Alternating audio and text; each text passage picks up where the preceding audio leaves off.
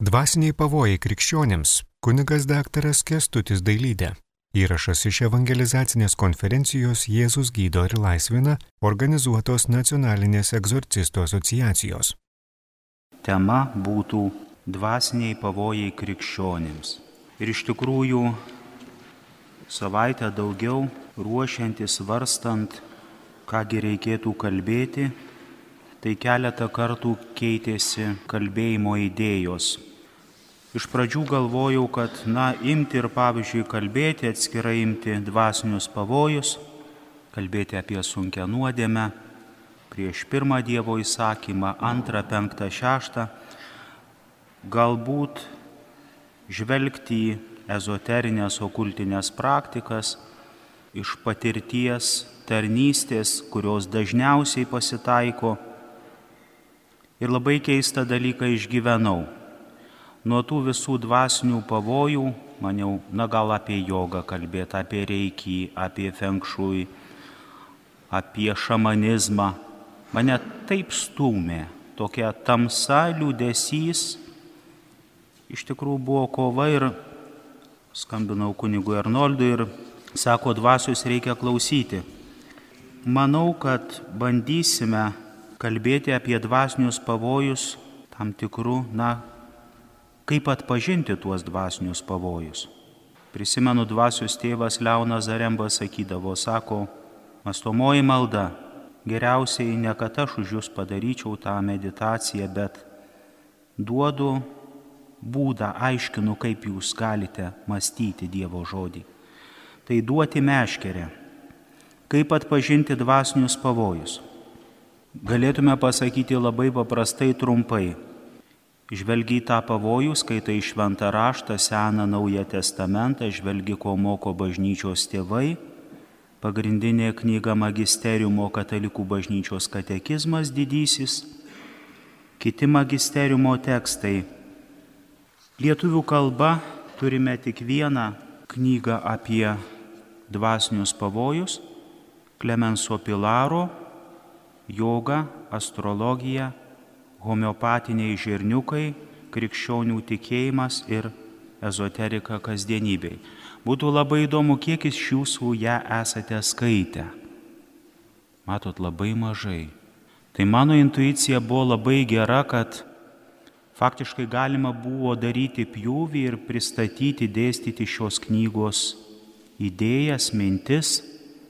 Tai lietuvių kalba vienintelis dalykas, ką mes turime Autorius yra kunigas, daktaras, jo kaip tik yra daktaratas iš dvasinių pavojų. Pirmiausia, paklausysim dvasios ir pakalbėsim apie Jėzų Kristų, paskelbsime Jėzų, jo garbę ir šlovę, o po to pažvelgsime į šio laikinį religingumą. Vieną norėsiu paliesti italų Toskanos viskupų konferencijos įdomų dokumentą Magija ir demonologija ir paaiškinti du dalykus, kuo skiriasi religija nuo magijos ir kas būdinga magiškam galvojimui, mąstysenai. Po to labai svarbu ir manau būtų mūsų kalbėjimo šerdis dokumentas Jėzus gyvo vandens nešėjas, išleistas kultūros dialogo tarybos ir tarp religinio dialogo. Ir mes kalbėtume apie New Age ir krikščionybę iš tikrųjų esam ezoterikos arba magijos apsupty, tai net persmelkia mūsų kultūrą, mūsų visuomenę. Baigiant svarstymą kalbėtume apie ypatingą demono veikimą ir čia konkrečiai dvasiniai pavojai kasdienybei. Ir čia galbūt palieščiau naujus tokius du dalykus, tai kelis. Tokia šamanistinė praktika yra dabar labai nauja mauri ir nežinau kiek trumpai, kiek man pavyko ką rasti apie Pilatės. Tai pradėkime, ateikime pas viešpatį Jėzų ir norėčiau pradžioje paprašyti Arkangelo Mykolo užtarimo ir apsaugos. Šventasis Arkangelė Mykolai, gink mus kovoje, būk apsauga nuo piktų velnio kėslų ir žabangų, nuolankiai maldaujame kad Dievas jį sutramdytų, o tu dangaus kareivių vadė, dievišką galę nublošk į pragarą šetoną bei kitas piktasias dvasias, kurios klajoja po pasaulį, siekdamos pražudyti sielas. Amen. Kalbant apie dvasinius pavojus, labai dažnai tiesiog juose pasiliekama kaip uždaram rate kažkaip kartais ar autoriai kritiškai vertindami neteina prie Jėzaus Kristaus, kuris yra absoliutus, nepakeičiamas viešpats, jo viešpatavimas amžinas. Ir čia norėčiau kalbėti, kaip svarbu asmeniškai sutikti Jėzų Kristų. Prisimename Evangeliją, praėjusį sekmadienį skaitėm apie pirmuosius Jėzaus mokinius ir Jėzus atsigręžė sako, ateikite ir pamatykite. Buvimo su Jėzum patirtis, jie sutikę viešpatį, neša liudyje jį kitiems. Jėzus sutinka kaip asmenį, jį pažįsta, patiria bičiulystę. Bičiulystė, kuri tęsiasi ne tik per apaštalų gyvenimą, per amžinybę. Ir Jėzus mokiniams, kur gyveni mokytojau, nedavė knygų. Jis kviečia pirmiausia būti su juo. Jie nuėjo ir apsistojo pas jį. Tokiu būdu perduodame geroji naujieną. Ir Andrėjus broliui Simonui sako, radome Mesiją. Krikščionybė pirmiausia nėra mokymas, bet gyvas Jėzaus asmuo. Istorinio asmens. Jėzaus Kristaus asmuo. Ir pats svarbiausias krikščionio gyvenime dalykas yra būti bičiulystėje su Jėzum. Skelbti nešti jį. Kada sutikau Jėzų, nori pažinti jo valią, pažinti jo mintį, matyti tikrovę jo žvilgsniu, jausti taip, kaip jaučia viešpats. Vienintelis būdas pažinti gyvą Jėzų - turėti santyki Jėzus, kuris yra tikras žmogus, Jėzus Kristus, kuris yra tikras Dievas, vienas dieviškas asmuo. Kristus apreiškia tėvą, parodo tėvą. Tėvo valia, jo maistas. Ir čia norėčiau prisiminti tėvo Raniero Kantalamesą liudijimą.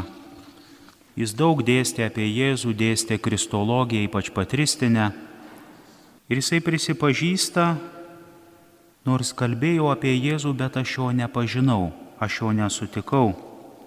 Ir jame kilo troškimas pažinti Jėzų.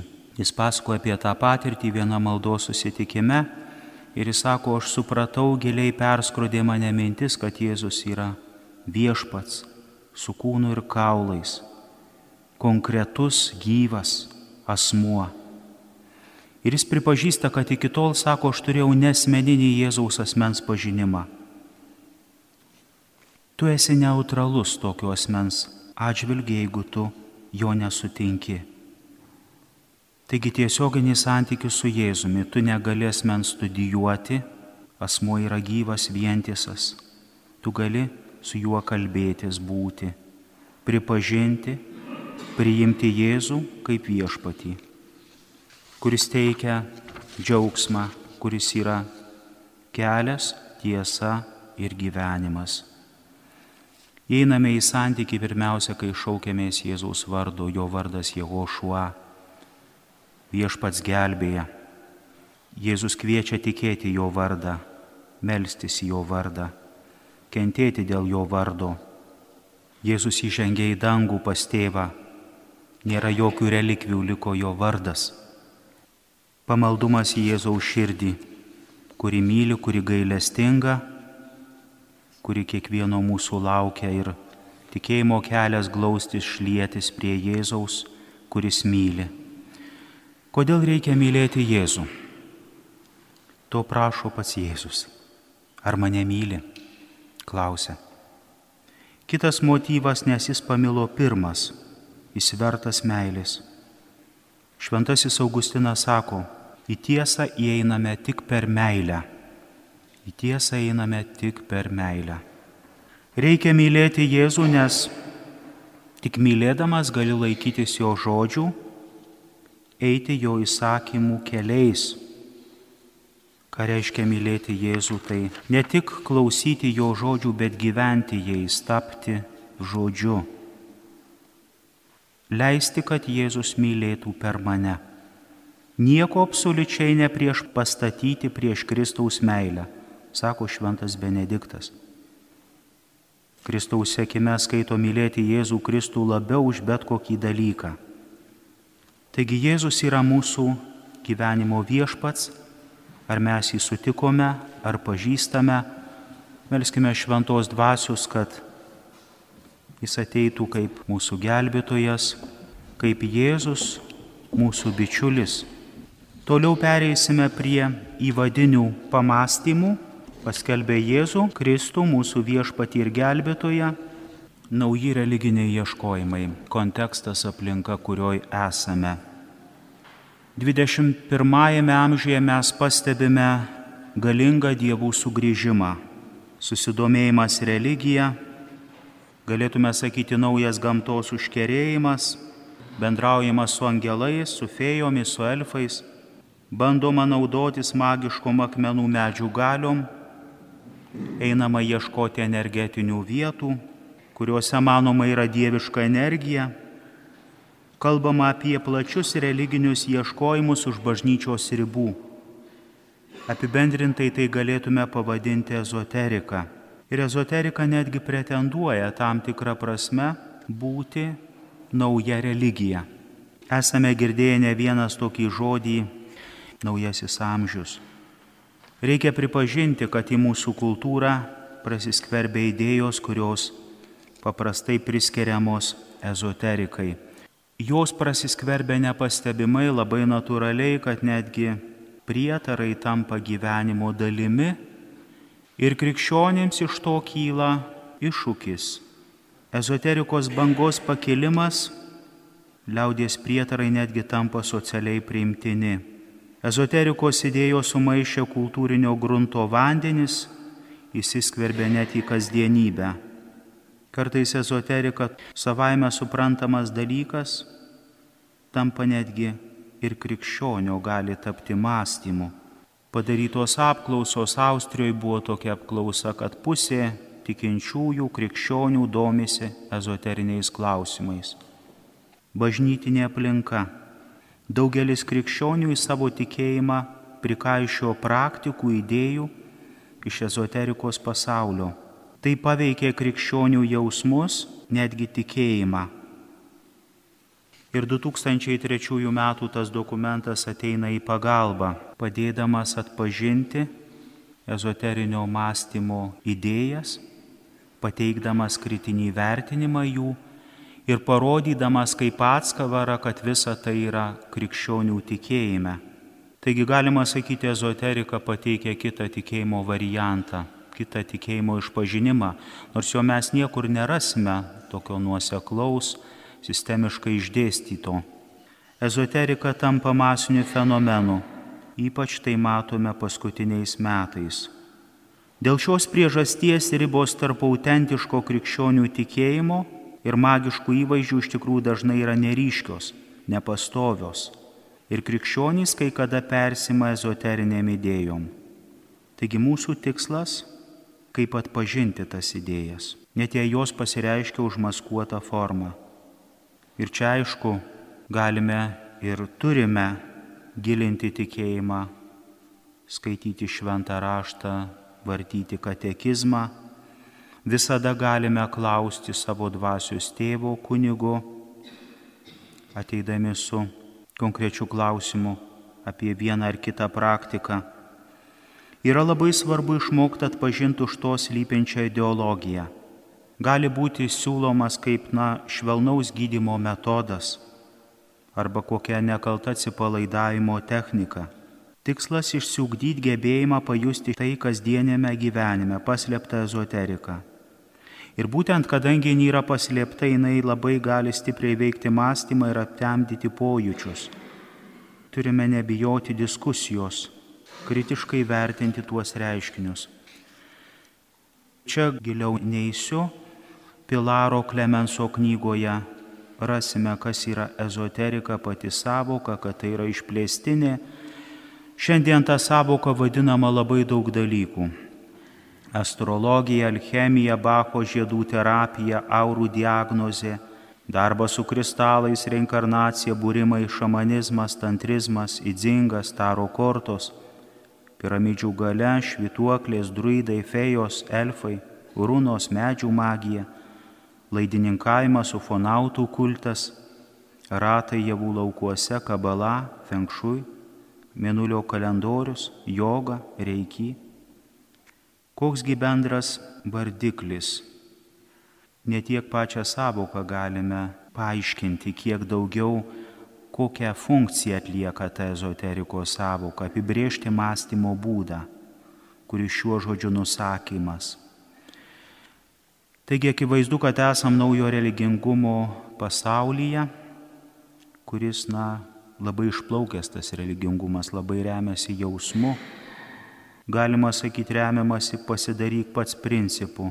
Pirmiausia, paminėtinas išplitęs subjektivizmas. Pagal savo asmenį pomėgį aš iš gausios dvasinės pasiūlos įsirenku tai, kas patinka. Neklausinėjama, ką reiškia vienas ar kitas elementas, bet pritaikau savo. Kitas dalykas yra eklekticizmas iš įvairių tradicijų, labai daug iš rytų yra pasisemama hinduizmo, budizmo, iš kinų filosofijos ir religijų, šintoizmo, šamanizmo. Išrankomi elementai, galima sakyti, išlaužomos iš kompleksinių religinių sistemų, išplėšiamos ir pirmyščio kultūrinio konteksto atskiros dalys. Ir aišku, tai veda prie sinkretizmų įvairių tradicijų sumaišymo, sustatant jas vieną šalia kitos. Skaitydami Klemensą Pilarą čia neapsistosiu ties tuo ties savokos ezoterikos istorija, tie galima sakyti trumpa ezoterikos istorija, kurią jis pateikia, du faktai 15 amžius, Marsilius Fičinas, atkurto akademijoje Florencijoje išverčia svarbius neoplatonizmo tekstus. Ir šiandien tai sudaro maginių ezoterinių mąstymų pagrindą. Kitas įvykis XIX amžius - Amerika seserys Fox, kurios spiritistiniai fenomenai, vėliau jos teigia, kad jos apgaudinėjo žmonės, bet tos idėjos pasklido, tai buvo kaip reakcija į gryną materializmą, į materializmą krypstant į gamtos mokslą. Miracle klubas New York'e ir čia tik sustosiu.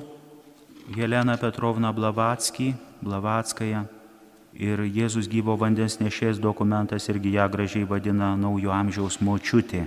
XIX amžiaus vidurys pabaiga. Teosofų draugija tai sudaro modernaus ezoterinio judėjimo pagrindą. Galima sakyti, sufermentuoja ankstesnių epochų tradicijas Alisa Beilį išplatina tas idėjas, buvo šios draugijos narė, vėliau pateikė savo teosofijos versiją. Ir čia kalbama apie visuomenės pasikeitimą ezoterinių radelių idėjų dėka. Ir kad tai vyks naujų laikų pradžioj, kad tai pasaulyje atneš taiką ir vienybę. Po 1960 metų mes tos visuomeninės utopinės idėjos jos iškyla naujo amžiaus pavadinimu. Jo hipių judėjimas įgauna šios idėjos naują švelnų atspalvį, taigi vakarietiškų rytietiškų religijų tradicijų sumaišymas, psichologijos ir religijos sujungimas, Esaleno Kalifornijos žmogiško potencialo judėjimas, būdinga tam judėjimo įvairių kultūrų laikų atrinktų mokymų metodų kombinacija. Ir čia tik keletą iš New Age'o pirmtakų noriu paminėti. Alaną Votsą, Friedhofą Kaprą, Keną Vilberį, Džordžą Treveljaną, Meriliną Ferguson. Taigi jų idėjos ir mes pradžioje kalbėjome apie Jėzų, kuris yra Kristus, antrasis reibės asmuo, amžina žodis, tėvo sūnus. Age yra kosminis Kristus, ten nėra asmens yra mokytojas, nėra Dievas, nėra gelbėtojas. Ezoterinio pasaulio pagrindai. Čia pereisiu prie minėto dokumento Jėzus gyvo vandens nešėjas ir pažvelkime į esminius skirtumus tarp neįdžio idėjų ir krikščionybės. Naujo amžiaus religiškumui ne, negalime teikti to paties rango kaip krikščionių tikėjimui, panaikinti skirtumą tarp tikėjimo ir įsitikinimo. Turime nustatyti elementus, kurie priklauso naujam amžiui, kurių negali priimti Kristų ir bažnyčia tikintys. Pirmiausia, kalbant apie Dievą, tai kas yra Dievas? būtybė, su kuria turime ryšį ar kas nors, kuo galime naudotis pajungtina jėga. Ir neįdžiui būdinga labai miglota Dievo samprata. Tuo tarpu krikščioniška samprata labai aiški. Neįdžiui Dievas yra besmenė energija arba ypatingas kosmoso sandas. Iš tikrųjų yra teigiamas panteizmas. Kiekvienas daiktas kitų pavydalų yra Dievas Ir netgi dar daugiau naujo amžiaus tekstuose teigiama, kad žmonės gali laikyti save dievais. Ir vieni šį bruožą gali būti išplėtoję labiau negu kiti. Dievo gali ieškoti viduje, vidaus gelmiai. Ir čia matom akivaizdžiai atmetamas apreiškimas, Dievo apreiškimas istorijoje. Kristuje prieškimo pilnatvė reiškia trejybę, tėvą, šventą dvasę. Krikščioniui Dievas yra dangaus žemės kurėjas, visų asmeninių ryšių versmė. Dievas yra asmeninis, yra tėvas sūnų šventoji dvasia, yra kurėjas, visą sukūręs. Dievas nėra energija, Dievas yra meilė. Iš esmės skiriasi nuo pasaulio. Kitas klausimas - Kristaus klausimas. Yra vienintelis ar egzistuoja tūkstančiai Kristų? Ir Kristus nueidžia pateikiamas kaip vienas iš daugelio išminčių, apšviestųjų arba vatarų. Krikščionių tradicijoje jis Dievo sūnus. Neigiama Jėzaus mirtis ant kryžiaus arba jį peraiškinama, kad Kristus negalėjo kentėti. Apokrifiniai tekstai, pavyzdžiui, gnostinės Evangelijos, laikomi autentiškai šaltiniais leidžiančiais pažinti Jėzaus gyvenimo aspektus, kurių nerandam kanoninėse Evangelijose. Ir nueidžia labai įdomus dalykas yra gaunami prieiškimai apie Kristų iš kitų esybių, iš vadovaujančių dvasių, pakilių mokytojų. Biblijos tekstams taikoma ezoterinė egzegezė, tuo tarsi norima apvalyti krikščionybę ir jo nueidžia tai yra atmetama bažnyčia kaip Kristaus įsteigta bendryje, ypač atmetama katalikybė, pradedant Jelena Petrovna Blavatską ir einant per kitus ezoterikos ryškės asmenybės. Dabar kas yra žmogus? Ar egzistuoja žmogiška būtybė? Ar egzistuoja atskiras individas? Ir čia ypatingai išryškinama, ką jaučiu, jausmas žmogus yra dieviškas, galima sakyti, žmogus yra Dievas ir galime kalbėti apie homolatriją į Dievo vietą pastatomas žmogus. Išganimas. Kas yra išganimas? Ar tai mūsų pačių pastangų vaisius ar laisva Dievo dovana? Esame išganomi, ar reikia Dievo meilės? Ir čia naujas amžius pateikia žodžius raktinių savirealizacija, savęs paties atpirkimas kalba, kad žmogus turi begalinį potencialą. Ir žmogaus prigimtis traktuojama iš esmės pelagianiškai, labai optimistiškai. Nereikia nei Dievo malonės, nei Dievo išganimo, nei jo pagalbos. Nereikia Jėzaus kaip gelbėto ir viešpaties, vienintelio atpirkėjo tarpininko. Susikoncentruoti į save. Nereikia nuodėmės atleidimo. Nuodėmė vėlgi pagal neįdžią yra tik nežinojimas į ką kreipiamės melzdamiesi ir medituodami į save ar į Dievą. Kančios mirties atžvilgių, kaip turime elgtis, atmesti tai ar priimti. Na, sako nuėdžio autoriai, kančia tai paties savo priskirtas dalykas, tai bloga karma. Pripažįstama aišku reinkarnacija, kas iš esmės radikaliai atmeta Jėzaus prisikėlimą, mūsų tikėjimo pamatą atmetama, kad atpirkėjas kentėjo vietoj žmogaus. Tai aptarus keletą šių skirtumų esminių tarp krikščionybės ir neįdžio, norėčiau pereiti prie vieno dokumento, Toskanos biskupų konferencijos notą apie magiją ir demonologiją. Kodėl svarbu šis dokumentas? Jo nėra lietuvių kalba, jis yra italų kalba. Tai galima sakyti bažnyčios magisteriumas apie magiją, apie demonologiją. Dokumentas pasirodęs 1994 metais, birželio 1. Aš kai kuriuos tik dalykus paimsiu konkrečiai, kuo skiriasi religija nuo magijos ir kas būdinga maginiam mąstymui. Viešpačiui bjaurus kiekvienas, kuris daro tuos dalykus, pakartoto įstatymo knyga, 18 skyrius 12. Šiandien šis biblinis paraginimas kaip niekant aktualus matome, kaip įspūdingai sugrįžta magijos praktikos. Ir labai įdomią tokią statistiką pateikia dokumentas, kad naujausiais duomenimis Italijoje yra 12 milijonų magijos vartotojų. 12 milijonų. Įdomu, koks būtų skaičius Lietuvoje, jeigu kas atliktų tokią statistiką. Aišku, matom sunkia egzistencinio pasimetimo situaciją. Kodėl šiandien plinta magija. Magai mistifikuotojai, netikri pranašai, apšviestieji suviliotojai, kurie ieško pasiekėjų, kurie pateikia prieiškimus, slaptas tiesas, kurių sampratos pateikiamos nuklysta nuo tikėjimo tiesų. Magija.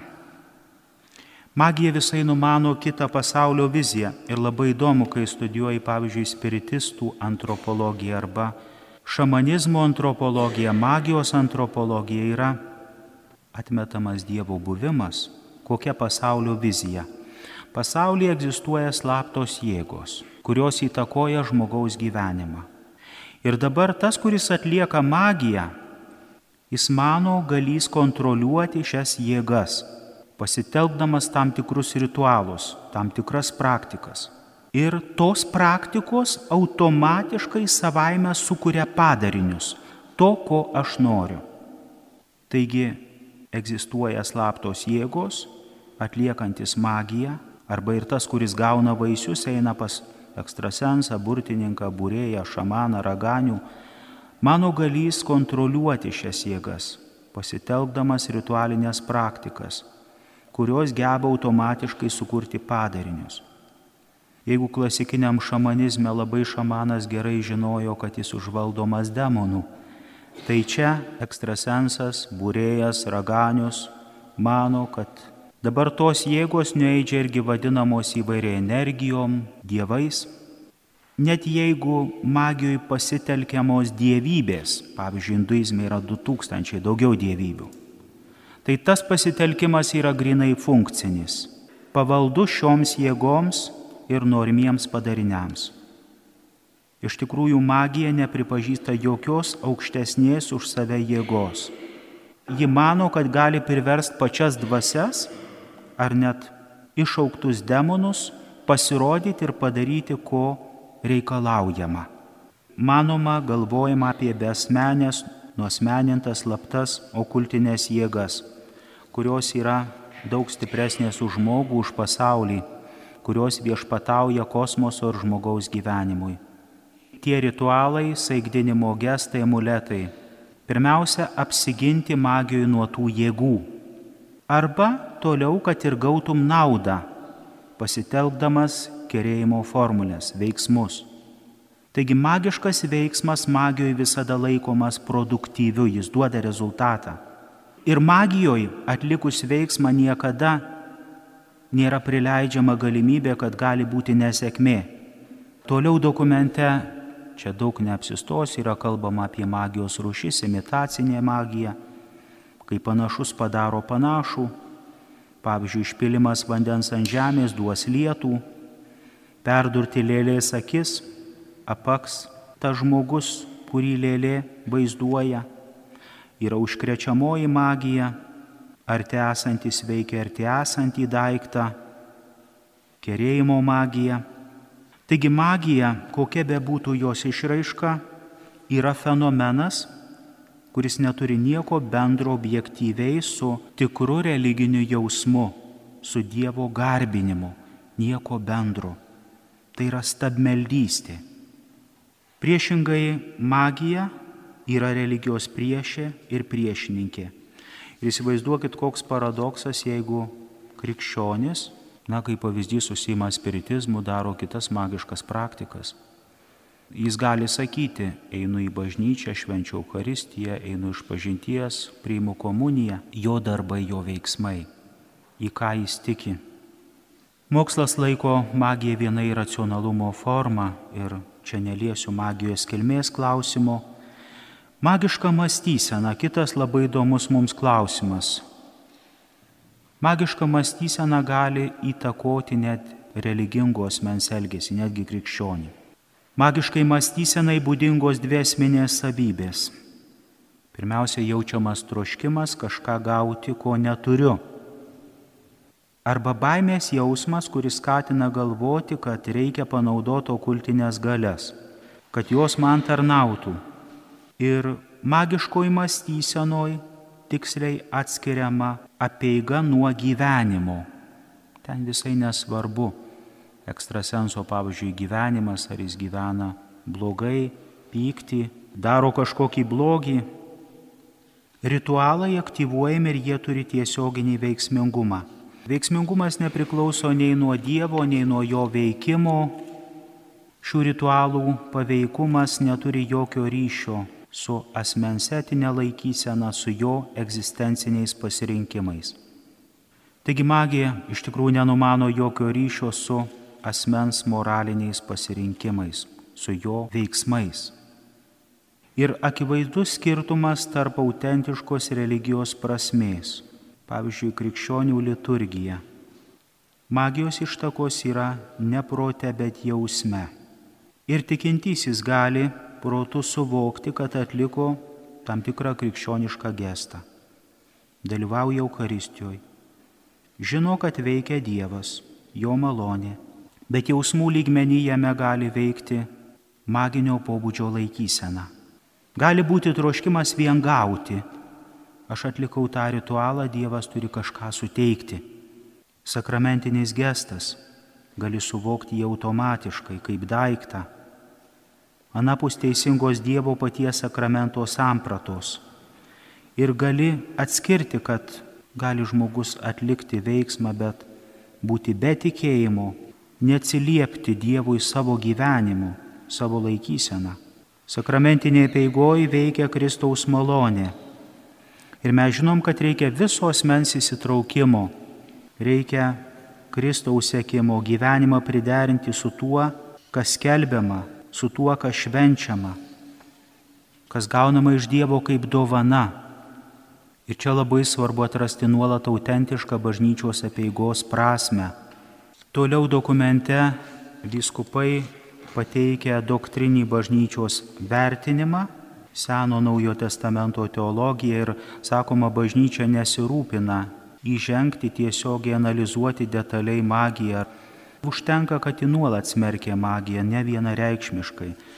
Taigi nesuderinama magija ir tikėjimas, čia pateikiamas bažnyčios tėvų mokymas, magija kaip moraliai neleistinas veiksmas, prieš religijos darybę, prieš teisingumo, prieš artimo meilės darybę ir kaip pasiūloma išeiti iš šitos situacijos naujos evangelizacijos būtinumas skelbti tikėjimą į trejybę, atskleisti, parodyti. Tai gali sustabdyti ir tinkamai galime atsiliepti į tą plitimą magijos, su jos daugybė formų. Skelbti Jėzų prisikėlusi kaip gelbėtoja. Niekame kitame nėra išganimo. Nėra kito vardo duoto žmonėms po dangumi, kuriuo galime būti išgelbėti. Apaštalų darbai 4.12. Kalbama, kad ten, kur stinga tos evangelizacijos, ten ateina tiesiog magijos tie darytojai. Dievo žodžio svarba, pamatas, sakramentų šventimas, Euharistija susitaikinimas. Taigi, norint atpažinti praktikas, dvasinius pavojus, labai svarbu trys žodžiai - matyti, suprasti ir atsakyti. Matyti tą reiškinį, iš kur jis kilo autorius, kokia esmė yra to mokymo, tos praktikos, suprasti, žvelgti Dievo žodžio šviesoj, katalikų bažnyčios katekizmo šviesoj, minėtų tų dokumentų Jėzus gyvo vandens nešėjas šviesoj, atsakyti remiantis bažnyčios mokymu, remiantis tikėjimu. Čia norėčiau pabaigai pereiti prie gyvybės vandenį siūlo Jėzus. Dvasiniai pavojai gali atverti mus ypatingam demono veikimui. Šiek tiek iš demonologijos ypatingas demono veikimas, kokios priežastys gali būti. Pirmiausia, dėl savo kaltės žmogus gali tikėti prietarais, užsimti burtais, atlikti okultinės praktikas. Nemažai žmonių įsitikinę, kad prietarai ir okultinės praktikos yra nekaltos, bet nesupranta, kad tuo gali plačiai atverti vartus demonui kad jis gali vykdyti ypatingą savo veikimą asmenų daiktų atžvilgių, aišku, gali dar ir gyvūnų atžvilgių, vietos atžvilgių. Tai galima jo būtų kalbėti čia jo vietos apsiautimas dabar dėl tų keletos klausimų jo, kur sakiau, naujos praktikos. Kada pradžioj buvo tas maščiau, kągi kalbėti apie pavojus, tai supratau, kad svarbiausia pateikti kažkokią strategiją, pedagogiką, kaip atpažinti, kaip atskleisti. Ir pirmas dalykas dvasios tėvas, jeigu jam būsi klusnus, tai tu ten nenueisi į tuos pavojus.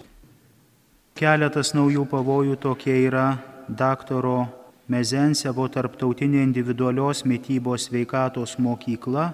Ten yra ir dvasiniai energetiniai lygų vystimosi mechanizmai fizikinėme kūne ir patologinių procesų prevencija atstatant energiją meridianuose. Ir viena tokia praktika, kurios aš irgi nežinau, yra tokia maūri. Tai Danija Katija Fox ir Maoris Gemi Juani Foxas 90-ais pasauliui padovanoja maūri. Tai tokia gydimo holistinė sistema, dar vadinasi Maūri Healing Arts, savygydos menas Institutas yra Danijoje, Naujojo Zelandijoje. Kas tai yra? Nu tai yra grinai šamanizmas, nauja forma ateina. Polinezijos išmintis, senų žinių kilmė, paskirtis yra principai prisilietimo menas, yra šokio pozicijos, malda, meditacija, tam tikras masažas. Na va, Lietuvoje jau yra pirmo modulio mokymas, jau yra pasirengusios vesti dvi lietuvaitės kiti mokymai antro, trečio vyksta Europoje. Ir ten sakoma Mauri, kad realybė valdoma, nu kaip tai yra naujai valdyti savo fizinę, emocinę, mentalinę, dvasinę realybės.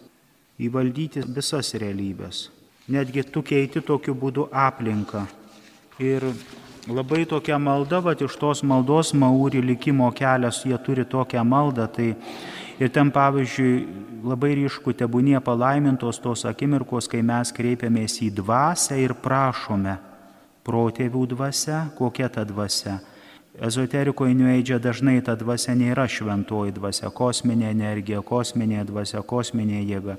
Po to kreipiamas į stichijas, jūrą, žemė, žvaigždės Ir galiausiai čia vienas labai aiškiai išduoda maldavimas - būti palaimintiems protėvių reit į tiesą. Atrodytųgi maldavimas, bet jie realiai tom praktikom yra kviečiami. Dabar kūnas kaip suprantamas, reiškia tos praktikos teikia aukštą samoningumą, keturi žmogaus kūnai yra fizinis, emocinis, mentalinis, žmogaus dvasia Ir taip pat ezoterikoje, magijoje būna ne tik 21 kūno žmogaus suskirstimas, būna labai daug laipsnių. Kita praktika - teta healing. Tai čia šią žinojau, yra, bet nežinau, kad jin atėjo į Lietuvą, į kurią yra Vijanas Tibal, labai trumpai glaustai, tai, tai yra spiritizmas, jos patirtis daosizmo, naturopatijos studijų Jis sako, kad kuriejas gydo ir per tas spiritisnės šamanistinės praktikas ir prašoma gydimo. Tai va vyksta irgi čia netgi kur Nidoj buvo tie mokymai praėjusiais metais. Iš tikrųjų gavome tokių nu, labai daug dalykų įvairių ir sudėjau, ką reikėtų pasakyti, kas būtų svarbu.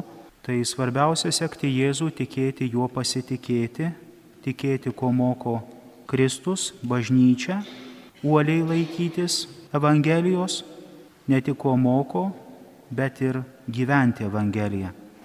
Dėkoju už dėmesį. Girdėjote kunigo daktaro Kestučio dailydės pranešimą Dvasiniai pavojai krikščionims iš evangelizacinės konferencijos Jėzus gydo ir laisvina organizuotos nacionalinės egzorcistų asociacijos.